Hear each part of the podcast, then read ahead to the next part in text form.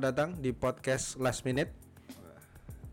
Podcast uh, semau gue yang membahas tentang dunia IT. Jadi kali ini kedatangan narasumber uh, epic ya. Se, se epic hero di game mobile ini sepertinya. Gimana kabarnya Mas Irsyad? Halo Mas Fajar, uh, alhamdulillah baik siap siap. Gimana nih? Kesibukannya apa nih Mas Irsyad nih? Kesibukannya berusaha tetap uh, produktif di masa pandemi. Tetap produktif dan uh, meng, me, me, apa, mengisi rekening ya? Tetap dan tetap mengisi rekening ya? Benar benar benar benar. Ini saya uh, dengar-dengar nih dari podcastnya Last Day yang di handle sama uh, Mas Irsad ini kan ini kenapa Mas? Apa yang terjadi ini? Ini mau diklarifikasi di sini atau gimana nih?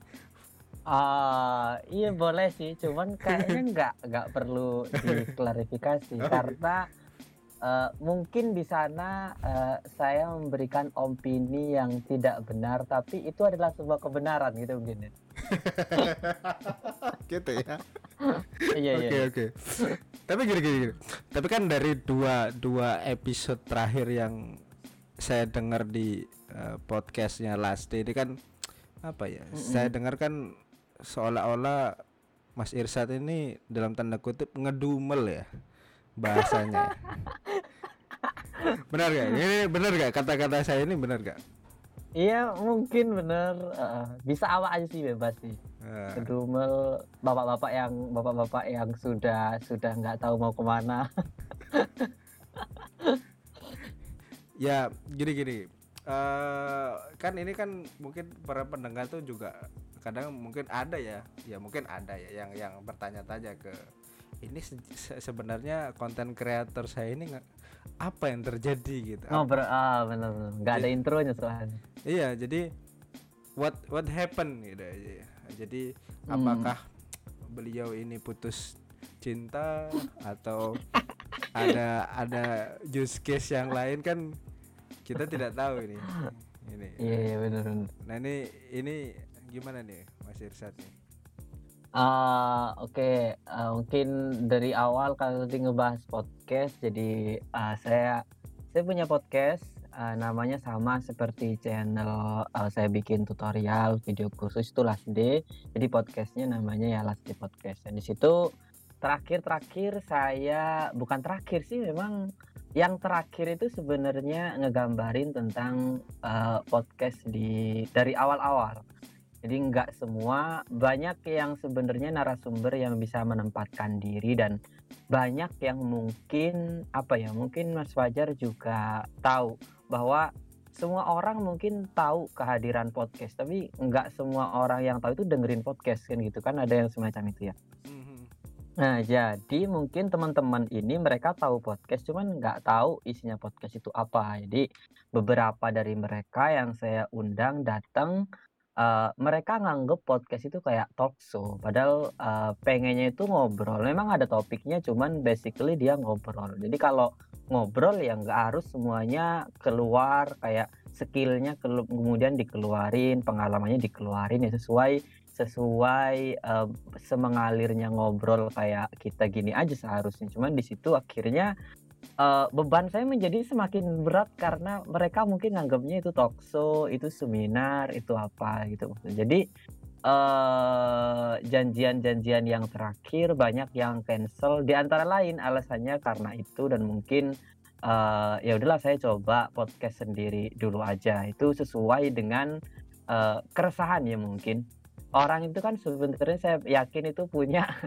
bukan sisi bukan kegelapan cuman sisi gelap gitu sisi yang dia struggle gitu jadi kan kalau teman-teman sama seperti saya intro dulu bahwa saya punya IG account personal punya IG account last day jadi teman-teman yang mau belajar ya lihatnya di last day aja. Kalau kalian datang ke personal account, kalian akan lihat saya makan apa, saya melihara ikan apa kan gitu. Dan di podcast itu sama, ya di podcast isinya ngobrol dan sesuatu yang uh, happening dalam keseharian saya dan kalau mau konten edukasi ya datang aja ke YouTube-nya Lasdi. Jadi mungkin uh, klarifikasinya mungkin itu sih. Kalau ada sesuatu yang tidak menyenangkan, cuman bagi saya kayaknya nggak ada sih yang menyinggung orang gitu nggak ada kayak.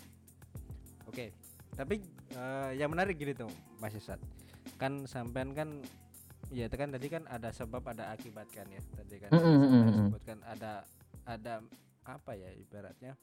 Seolah-olah teman-teman ini ketika kita undang menjadi narasumber ini kan mencoba trying to be someone else gitu kan. Maksud ya, maksud ada kan iya, seperti bener. itu gitu kan. Tapi kan iya, bener, ya kita kita harapannya sebagai host di sini itu kan ya kita mm tuh pengen ya tolong ya biar apa ya menjadi pribadi anda sendiri saja biasa aja gitu jadi iya benar karena uh. uh, yang kita harapkan ya kita bukan pengen dengerin keynote sebenarnya kan kita kan pengennya iya, uh, ngobrol-ngobrol nih sharing-sharing kayak mm -hmm, kita bener. lagi kayak kita lagi di warung kopi nih oh kita lagi mm -hmm. duduk bareng sama-sama oh uh, kamu mm -hmm. gimana saya gini loh oh yang yang lain ini gimana gitu kan pengennya kan mm.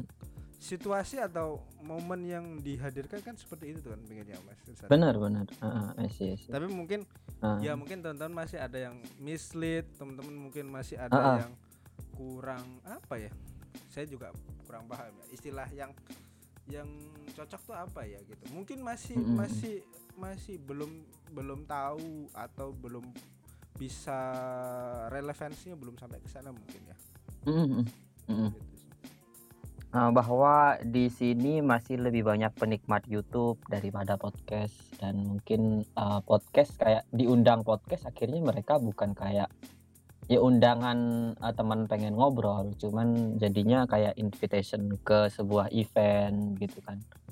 Uh, uh, jadi sebenarnya kita datang sebagai teman sebenarnya. Jadi uh, sebenarnya dari beberapa podcast itu ada yang teman yang menolak. Itu ada bahwa dia tahu podcast dia suka dengerin podcast cuman uh, kalau dia diajakin ngobrol terus dipublish ke orang uh, kayaknya dia belum siap. Nah, mungkin yang seperti itu mungkin lebih respect karena uh, ya dia tahu podcast itu podcast itu tempat orang ngobrol dan dia pengen ngobrol cuman sesuatu yang dia obrolin dia pikir itu oh, janganlah uh, aku nggak siap untuk uh, di share gitu. Biarkan kita ngobrol berdua aja. Mungkin kayak gitu tuh lebih pas mungkin ya. Jadi uh, uh, uh, uh, uh, tapi dapat poinnya kan maksudnya kan maksudnya yeah, yeah. ya memang uh, uh, jadi paling enggak itu lebih baik itu mereka tahu terus mereka nolak daripada mereka itu nggak tahu sebenarnya di podcast itu ada apa terus diterima gitu. Itu yang susah sebenarnya. Jadi akhirnya kita harus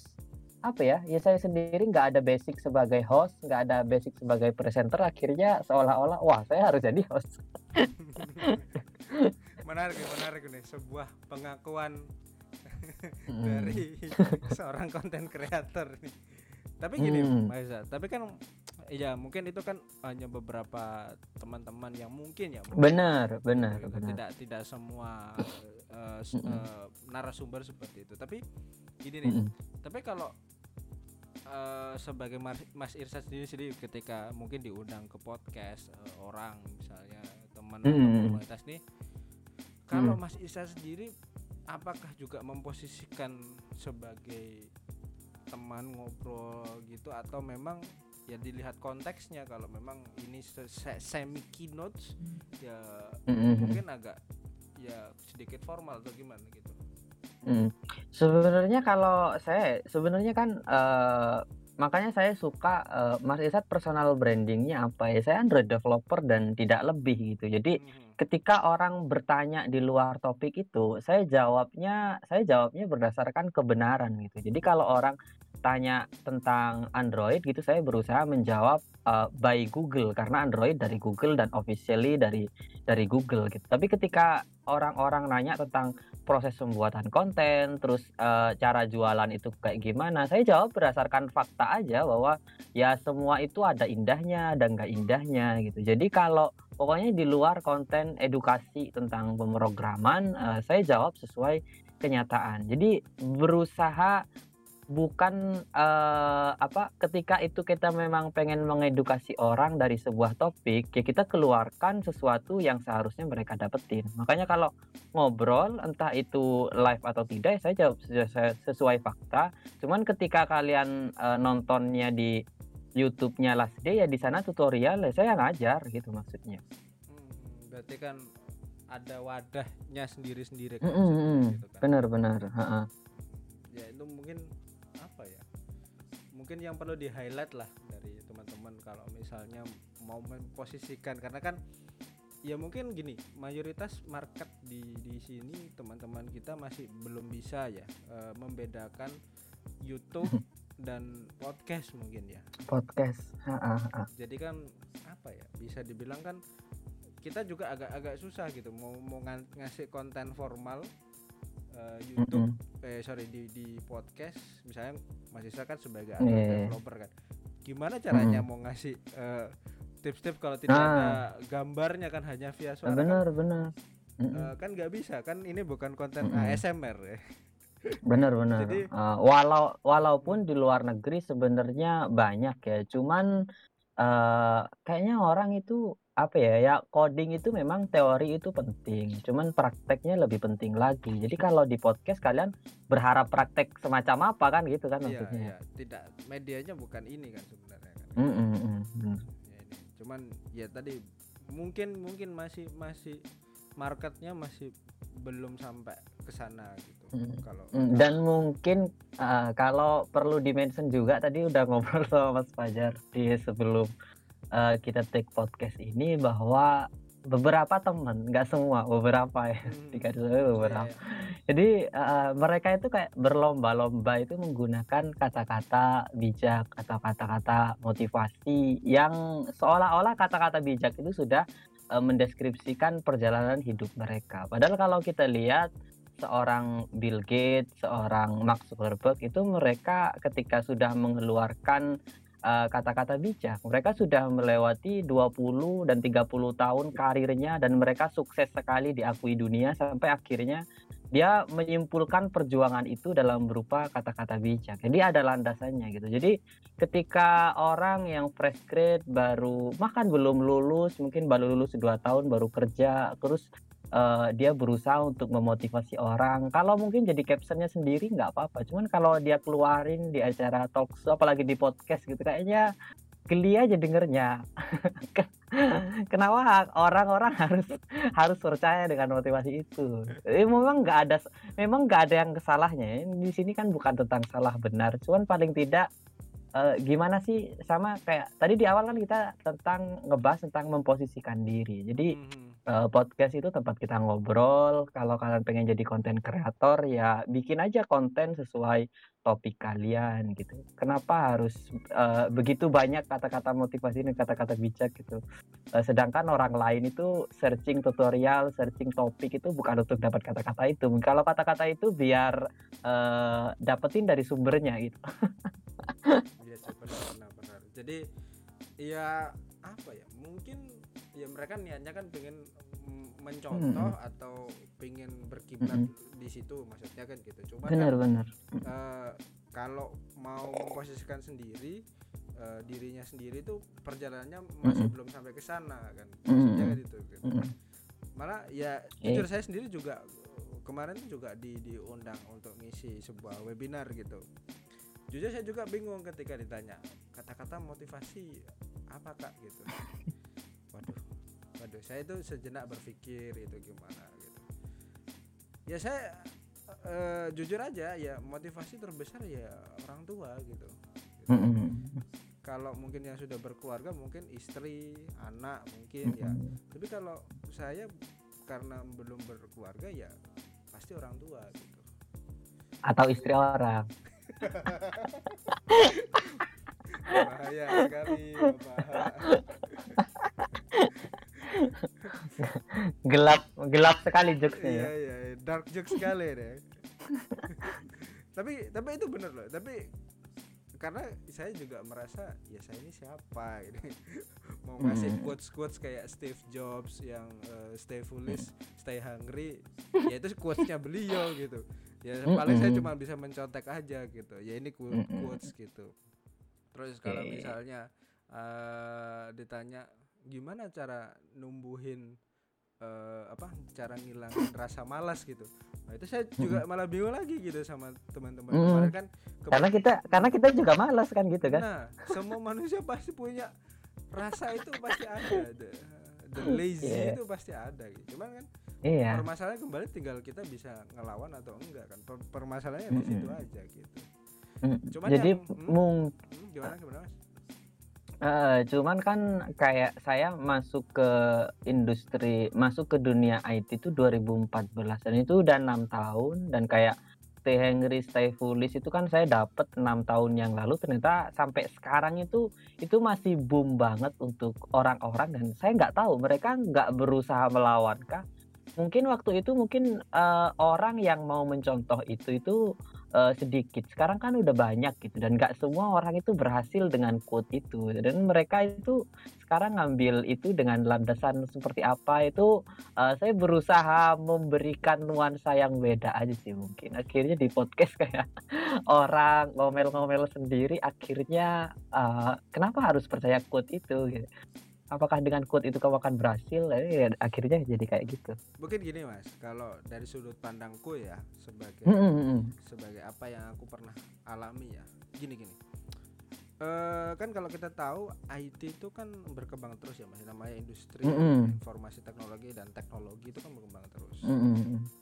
yang bisa aku tangkap ketika kita ngomong stay foolish stay hungry kita kan berarti Mm, mm, tidak boleh stuck di satu titik. Misalnya sekarang nih yang lagi ngetren misalnya Android eh, kita belajar Mm, mm. Kotlin belajar Flutter Mm, mm. misalnya. Nah kita kan nggak tahu tuh dua tahun lagi tiga tahun lagi atau bahkan satu tahun lagi yang booming tuh apa gitu. Kalau kita cuma stuck Mm, di mm, satu teknologi dan satu eh, terpatok atau istilahnya ya istilahnya cuman jadi kata dalam tempurung lah gitu Mm, ya kita pasti akan ketinggalan gitu. Karena jujur banyak temen eh, banyak eh, senior juga yang masih punya mindset kayak gitu mas.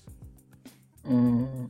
jujur masih punya mindset kata dalam tempurung itu. Ketika kita Ah, mau mau apa ya mau memberi input ya Ah. yang namanya kritik meskipun dalam konteksnya halus dan membangun ya. Seringkali kan ada Iya, orang yang mencoba denial ya mencoba Ah, eh, menolak gitu. Meskipun kita inputnya berubah baik gitu. Karena gini ah, eh ya kasihan tuh siapa sih mas? Yang kasihan itu adalah misalnya kalau beliau ini adalah seorang pengajar di salah satu sekolah Mm-mm. atau lembaga atau apa. Nah sedangkan ilmu yang diajar sama beliau ini sudah ketinggalan zaman katakanlah. Mm, mm.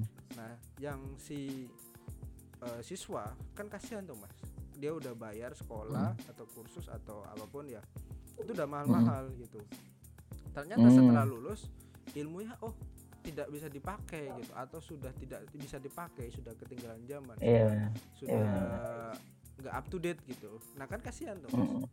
nah Nah, kalau kasusnya seperti itu mungkin stay hungry, stay foolish-nya eh, kasihkan ke muridnya. Ya itu bisa bisa bisa bisa Mm. cuman kan aku ngelihat konteksnya itu dari sudut pandang si pengajarnya mas Iya iya benar. karena gini Iya. kalau memang kita ngomong ke murid ya pasti mas ketika dia nanti Mm-mm. lulus misalnya dia lulus SMK atau dia belajar lagi. ya gitu. pasti karena kan nggak Heeh. nggak apa nggak nggak semua did- didapatkan gitu tapi balik lagi Iya. kalau masalah di pengajarnya itu kan juga bisa harus disorot mas Mm, mm, mm. karena kan mungkin ya mungkin sering kali mereka terjebak dalam zona nyaman itu yang yang dikhawatirkan ya yang dikhawatirkan di sana gitu Ah, iya, cuman itu aku sempat ngobrol lama kemarin sama temen tentang eh, zona nyaman. Eh, aku punya sudut pandang yang berbeda sih bahwa Hmm. zona nyaman seseorang itu beda-beda kembali dikembalikan ke kepuasan. Jadi ada orang itu yang memang sukanya belajar. Jadi tanpa disuruh oleh kantornya dia ngoprek sendiri tentang bahasa pemrograman baru. Sedangkan ada orang itu yang memang eh, kepuasannya misalnya dia di kepuasannya adalah gonta-ganti kendaraan. Jadi dia bisa ganti motor, terus dari motor ke mobil itu kepuasan bagi dia tanpa dia harus uh, upgrade skill dalam pekerjaannya. Terus ada lagi orang yang kepuasannya secara religius. Yang penting dia bisa sholat lima waktu, ikut kajian gitu. Bahasa programan stuck di situ-situ aja nggak apa-apa karena dia fokus bukan ke dunia. Jadi kalau ngomongin comfort zone itu dilihat dari kepuasan orang itu apa yang bikin dia fulfilling itu apanya mungkin dia memang berkarir sebagai untuk uh, komponen part of untuk memenuhi kebutuhannya. Dia nggak mau concern di situ gitu. Ya ya ya. Itu kayak mm -mm. kayak apa ya? Debat kusir uh, passion mm -mm. passion atau apa? Satunya mas? Passion, passion atau yang eh, atau apa ya? Ya kemarin di podcastnya sampean tuh loh yang di, diperdebatkan. Mau ngikuti passion dulu iya, atau iya. apa gitu. Ya kan itu kan sama iya, iya, iya, iya. mirip-mirip kayak itu kan. Misalnya konteks iya, iya benar. gitu. Uh, uh, cuman akhirnya mungkin itu tadi teman-teman bisa biar dapat biar dapat apa biar dapat poinnya adalah yang pengen saya sampaikan adalah jika kepuasan kalian adalah uh, learning continuous di programming kalian tepat gitu. Cuman kalau kalian berusaha belajar sangat keras gara-gara iming-iming dua digit, kalian bisa kerja di luar negeri, kalian bisa ke luar negeri bolak-balik kan. Itu semua yang uh, sebenarnya mungkin salah kaprah gitu mungkin. Kalau teman-teman uh, bilangnya kalau kita mungkin sudah bisa tiga bahasa pemrograman kita bisa dapat gaji tiga digit. Faktanya nggak gitu. Jadi mungkin kalau purpose-nya adalah gaji, salari ya seharusnya itu yang diperbaiki. Sekarang kan kayak sekarang itu banyak postingan cara mendapatkan 100 juta pertama untuk freelancer gitu. Ya. Jadi seolah-olah dia hmm. uh, dia seolah-olah akan bilang bahwa uh, freelancer yang nggak dapat 100 juta atau dia cuma mendapatkan setahun 10 juta itu adalah freelancer yang gagal gitu. Jadi sama itu kayak uh, apa namanya untuk bootcamp bootcamp yang gaji minimal seorang developer 10 juta. Sedangkan dia kalau nggak ikut bootcamp itu nggak dapat 10 juta. Dan setelah dia kerja ternyata dia memang gajinya nggak 10 juta. Setelah dia uh, ikut bootcampnya ternyata skillnya dia nggak mampu beradaptasi dengan bootcamp itu. Jadi hal yang perlu digarisbawahi adalah di situnya. Kalau kalian merasa uh, merasa fulfill dengan proses belajarnya nggak apa-apa. Jadi kayak uh, salary fee itu side effect buat kalian, bukan purpose, bukan tujuannya. Jadi kalau kalian belajar terus yang malam gitu. Kadang kan saya bikin YouTube itu kan uh, preview live previewnya bisa dilihat ya jam hmm. jam satu uh, itu jam itu hampir 24 jam nggak pernah berhenti loh orang yang nonton video di YouTube itu. S uh, satu kali 24 jam gitu kan. Jadi makanya kalau kalian sudah berusaha sekeras itu nggak tidur sampai subuh pagi kerja lagi kalau kalian targetnya dua digit iya kalau dua digit. Kalau enggak kan gitu jadi maksudnya kalau memang suka belajarnya terusin nggak apa-apa. Kalau kalian purpose-nya untuk salari ya mungkin kalian bisa gagal gitu. Mungkin kalian uh, carilah sesuatu yang membuat hidup kalian lengkap di bidang lain. Jadi uh, eh, IT buat menjadi part of life dan cari part yang lainnya untuk kalian apa? Mungkin hobi, mungkin kalian uh, bisa uh, quality time dengan keluarga. Mungkin itu daripada dibuang semua untuk belajar ternyata hasilnya sedikit kan gitu maksudnya. Iya benar sih, benar benar benar. Mm. Tapi gini deh mas, uh, ngomong ngomong-ngomong soal tadi tuh passion, waktu, mm -hmm. time dan sebagainya. Saya mau tanya ke pribadi Mas Irsat. Mm -hmm. Ini boleh dijawab boleh gak ya? Terserah. Mm. Kira-kira sampai usia berapa Mas Irsat mau ngoding ya? Ini kan sekarang kan mm. sebagai developer kan? Iya. Yeah, yeah Nah, pertanyaan saya kira-kira sampai umur berapa Mas Irsat ini masih Ini kayaknya ini kayaknya ngambil dari podcast podcast. ngambil dari podcast. podcast kelas.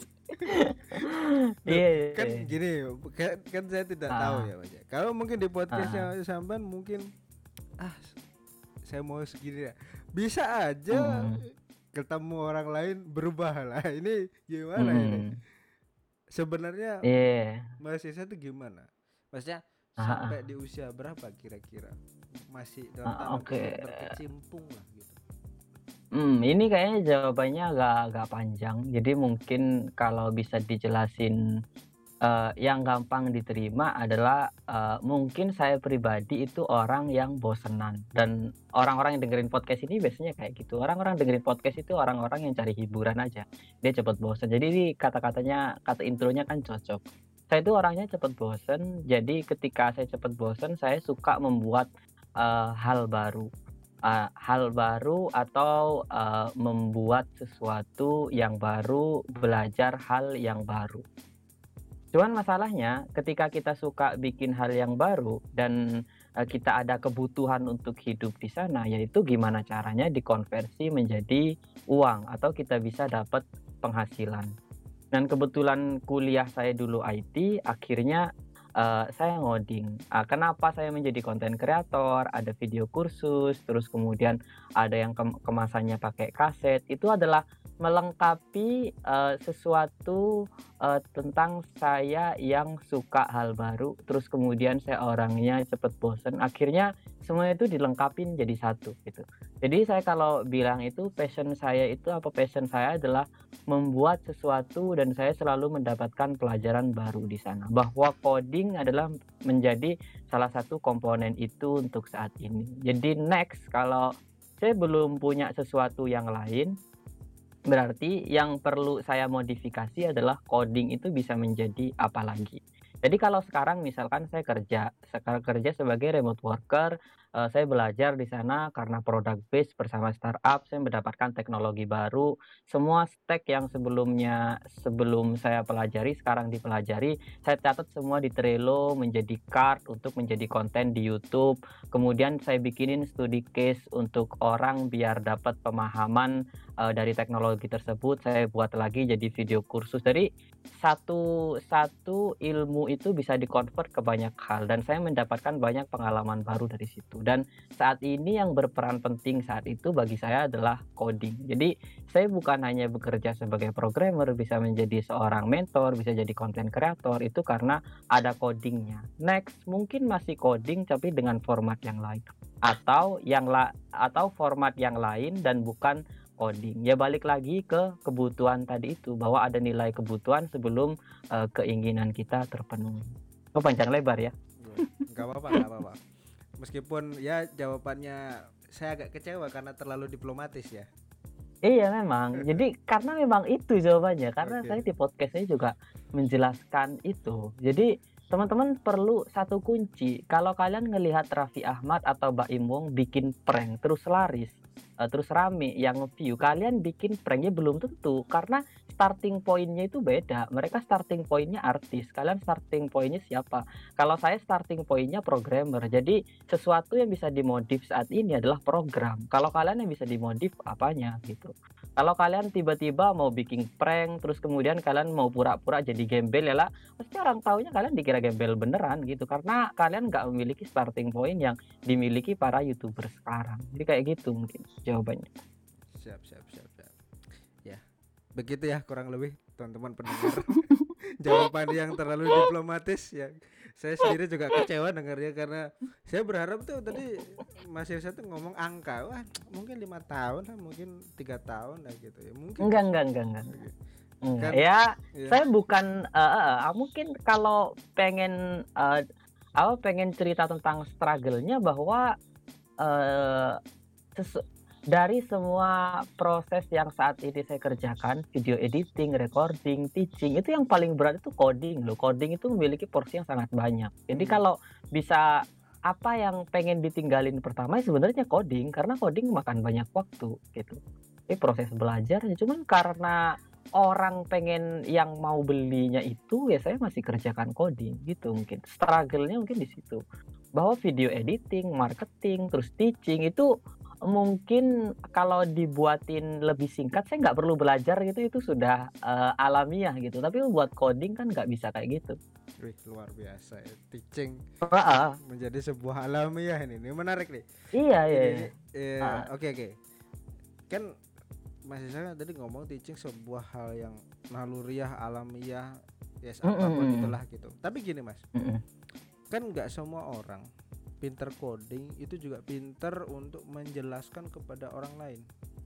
Mm, mm, mm. dan nggak harus juga maksudnya kan? Ya maksudnya kan gimana caranya sampean itu nyiasati hal kayak gitu? Kan pasti kan sampean ketika bikin konten video pembelajaran ngisi materi webinar dan sebagainya lah.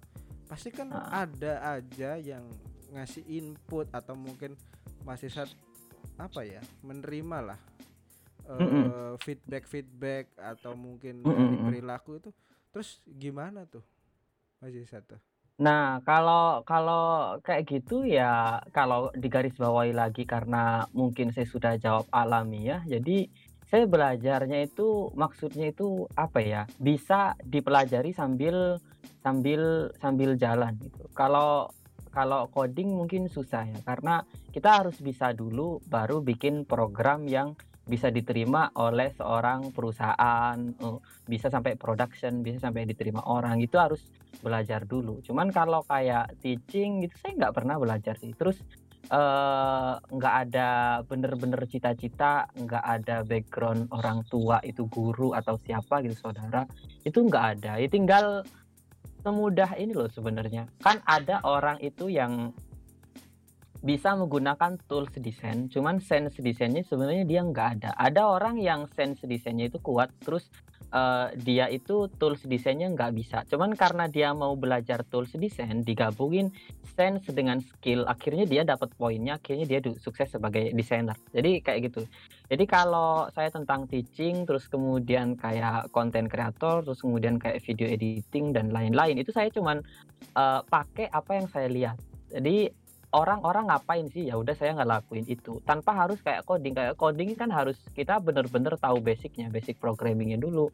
Sebelum ke IDE kita udah harus editor dulu sebelum ke editor kita harus instalasi dulu sebelum itu kita harus bisa mengoperasikan komputer dulu. Itu kayak step by stepnya kan panjang. Dan di luar itu itu apa yang bisa kita lakukan dengan yang tidak menghabiskan porsi sebanyak sebanyak coding gitu. Dan itu kayak teaching bagi saya ternyata nggak menghabiskan porsi kayak gitu. Oh marketing ternyata nggak ngabisin waktu. Terus kemudian kayak product developing ternyata saya juga nggak ngabisin banyak waktu. Apa yang saya lihat ya udah saya contoh langsung dan ternyata yaitu eh, mungkin kalau dibandingin dengan yang sukses banget itu eh, jauh. Cuman bagi saya akhirnya oh saya nggak perlu belajar bisa jalan kok. Gitu loh maksudnya kayak gitu.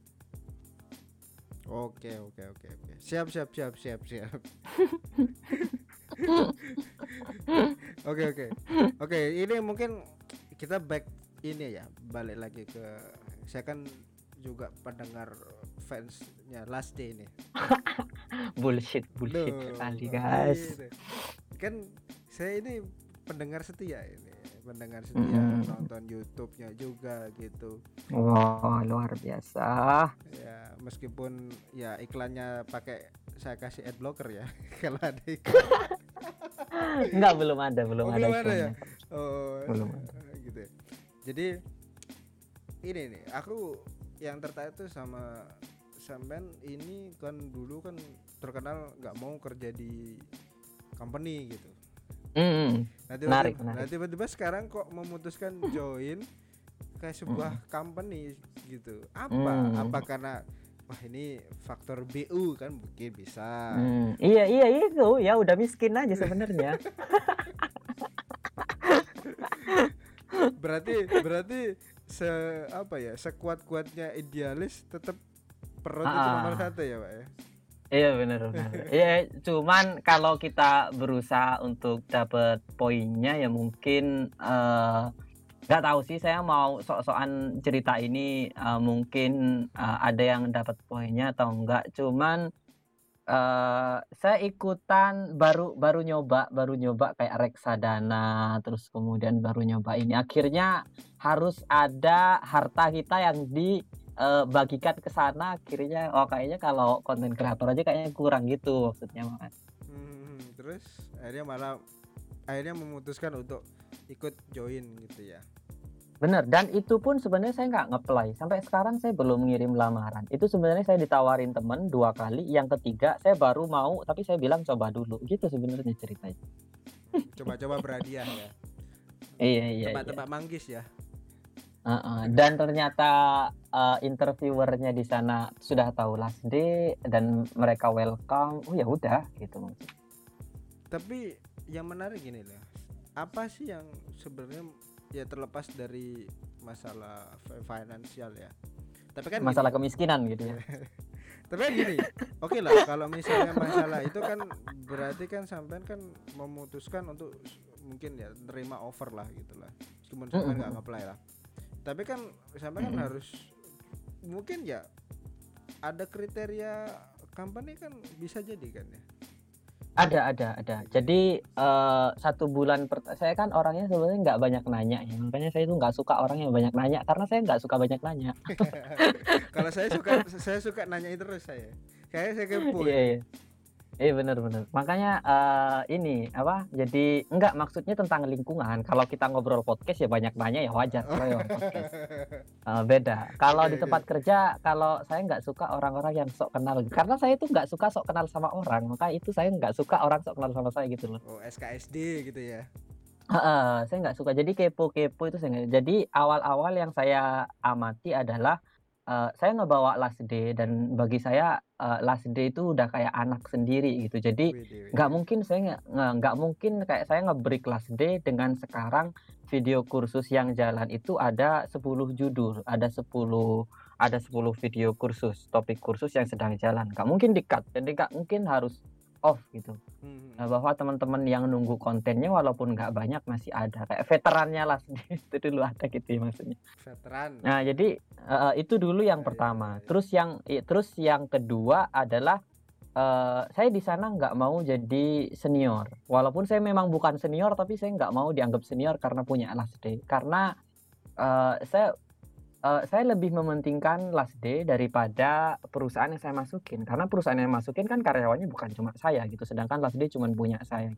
Hmm. jadi di sana itu saya pengen belajar dari senior. Makanya di sana uh, ya udah ketika saya dibilangin Mas Isa tolong bikin project baru pakai infrastruktur sendiri. Uh, saya tetap berusaha nanya ke programmer sebelumnya di sana pakai apa aja kan karena dari cara yang dia pakai saya pengen belajar pengen belajar tentang uh, teknologi yang baru di Android. Terus habis gitu saya lihat teknologi di sana, terus saya compare dengan uh, materi di Last Day, terus sesuatu Android yang keluar dari Google, oh ternyata diimplement semua di sana dan kita memang dikasih waktu untuk implementasi teknologi-teknologi terbaru uh, kayak semacam brainstorming di sana itu ada. Dan dari situ ya saya dapat banyak topik untuk ditaruh di Trello dan mungkin topiknya akan uh, saya bedah nanti di YouTube kemudian bisa jadi video kursus. Jadi harus ada konversi lain selain salari. Jadi gitu kan maksudnya. Jadi itu mungkin mhm. konversi lainnya. Jadi mungkin kalau ternyata saya kerja di software host yang mementingkan pokoknya beres, pokoknya klien seneng, mungkin nggak bisa karena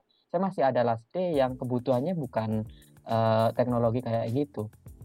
Jadi minimal itu kalau memang upload uh, upload uh, aplikasi di Play Store, terus saya kontribusi di sana, uh, saya harus menjadi salah satu orang yang uh, bangga pernah membuat membangun aplikasi itu, gitu. Karena saya ngebawa brand Last Day juga, itu menurut Oke oke, menarik nih. Nah mungkin mm -hmm. ini pertanyaan Pak Mungkas ya. Oke okay, nice. Nah gini, kan tadi kan sampean ngomong uh, apa ya last day utama gitu. Dan tadi ah, juga sempat singgung masalah waktu sampai kapan kontribusi di uh, atau mungkin mau spend sebagai developer nih sebagai lama. Sampai juga mm -hmm. belum bisa mengomongkan atau meng mengutarakan waktunya kapan kan ya. Benar kan ya? Tadi kan summary kesimpulannya kan sampai situ ya? Nah. Selama kemiskinan melanda gitu mungkin. Nah, nah gini pertanyaan gini kan apakah mungkin nih uh, sampean mm -hmm. juga akan membuka kesempatan buat teman-teman mungkin yang mau ngisi konten di last day gitu selain sampean gitu ke depannya ya ah oh itu kayaknya sudah ngisi sudah, ada ya? Sudah. Uh, uh, uh, uh, udah ada uh, dua judul dan sekarang masih ada judul pre-order yang saya kolaborasi sama teman. Enggak, maksud saya di di di di YouTube-nya Last Day sendiri bukan bukan. Oh, di YouTube-nya Last Day itu sudah jan uh, maksudnya uh, saya udah udah ini sudah apa ya udah deal sih sebenarnya. Cuman kan saya nggak bisa maksa dia gitu. Ada sih ada beberapa orang yang mau ngupload di situ. Dan saya nggak masalah maksudnya. Soalnya kan mungkin uh, di antara teman-teman yang denger nih ada yang mungkin tertarik nih. Kan kalau mungkin bangun channel dari awal kan mungkin kan ya siapa viewernya mungkin susah harus attract harus mungkin share dan sebagainya kan. Kalau sudah ada medianya se mm -hmm. seperti last day ini mungkin kalau kita lihat dari youtuber-youtuber uh, luar ya kayak mungkin Traversy Media, Free Code Camp, mm -hmm. gitu, kan, mm -hmm. memang kan mereka itu bukan berkonsentrasi sebagai konten creator, tapi sebagai wadah mm -hmm. untuk konten creator. Nah, ber apakah berarti Last Day itu juga akan ngarah ke sana mungkin? Kayaknya enggak sih kalau ke sana. Maksudnya belum terpikirkan. Oh, Jadi belum sekarang uh, sekarang lebih ke personal branding dulu. Jadi kalau dilihat kayak Last Day itu sebenarnya nggak bawa personal branding saya sebagai Android developer. Walaupun konten dari Last Day itu bukan hanya Android, ada PHP-nya, ada CI-nya, ada Laravel-nya ya. Yang ngisi teknologi lain di sana kan teman-teman saya. Cuman kan uh, mereka ya personal branding masing-masing. Saya ngelihatnya gitu sih. Karena memang support after sales itu penting. Jadi mereka tahu setelah pakai konten ini atau beli video kursus ini, setelah mereka ada kendala, mereka bertanya siapa, mereka tahu. Kalau di last day berarti kita fokus di Androidnya. Topik lain tinggal mention di situ uh, kita kan ada grup private tinggal mention di situ mentornya siapa dan kendalanya apa. Jadi gitu kita eh, nggak uh, tahu saya mikir panjangnya kayak gitu bukan konten kreator yang bikin diupload pokoknya viewsnya banyak nggak gitu juga sih soalnya menarik menarik menarik. Tapi itu adalah jawaban yang tidak diinginkan sebenarnya iya, saya tahu. Saya saya, saya sejujurnya kecewa ya karena eh, pertanyaan saya cuma jawabannya cuma dua ya dan tidak aja sebenarnya. Jawabannya enggak enggak tahu. Maksudnya uh, kayaknya itu besar mas. Maksudnya effortnya itu nggak tahu siapa yang bikin gitu. Saya kalau dilihat last day nggak ada websitenya loh dia link tree iya benar. Cuman mungkin kan apa ya mungkin suatu saat mungkin ketika sampean sudah ah, aku uh, pingin apa ya growth lah last day ini pengen tak growth kan gitu. Ah just justru ketika aku bilang nanti playnya Last Day justru itu yang diplomatis menurut saya. Jadi sekarang saya bilang sebenarnya saya males gitu kan. Jadi uh, terus kemudian saya cuma di Android aja ya udah biar teman-teman yang ngisi ke depannya gimana kita lihat saja nanti gitu loh. itu kan sudah the truth gitu kan sebenarnya udah nggak iya, iya, diplomatis loh sebenarnya. Justru kalau saya bilang nanti plan kita kan justru itu yang diplomatis. Oke oke oke oke siap siap siap. siap. Mm -mm. oke mungkin itu eh, topik-topik uh, yang sebenarnya bisa bisa diserempetkan lebih jauh lagi tapi saya saya uh, takut kena kartu kuning dan kartu merah ya. benar benar benar. Jadi uh, semoga vid, uh, apa namanya podcast ini bisa berguna lah ya buat pendengar yang mungkin mendengarkan. Ya meskipun -hmm. isinya ini cuma ngedumel ya kalau saya ngedumel. Nah, saya suka sih. Sekarang kebetulan saya suka ngedumel. Jadi kalau invitationnya ngedumel nggak talk show yang diplomatis saya mau. Cuman untuk kata-kata bijak saya uh, istirahat dulu kayaknya sudah mengalami fase titik jenuh untuk men-share quotes-quotes dari founder-founder teknologi. Bener, setuju. Kita sedang berada di titik terendah kehidupan saat ini. Iya, iya, iya. Bisa dimengerti dan saya juga memahami hal tersebut ya. Oke. Oke, terima kasih uh, Mas Irsat atas waktunya. Terima kasih Mas Fajar. Thank you. Sudah mau hadir di podcast saya ini, sudah mau curhat, curcol dan gibah ya, semi gibah juga. Siap, ya. siap. siap. Oke, ditunggu konten-konten menarik di podcast Last Day ya Mas ya dan YouTube-nya Last Day juga. Jadi buat teman-teman yang dengerin uh, podcast ini jangan lupa uh, subscribe YouTube-nya Last Day dan juga jangan lupa uh, follow uh, podcastnya Last Day di mana mas di Spotify ya Spotify, Spotify. kalau mau dengar omelan-omelan dengar dengar uh, ini apa namanya curhatan om-om Oke, gitu aja. Mungkin thank you semuanya sudah mendengarkan. Sampai ketemu Dadah. di episode selanjutnya.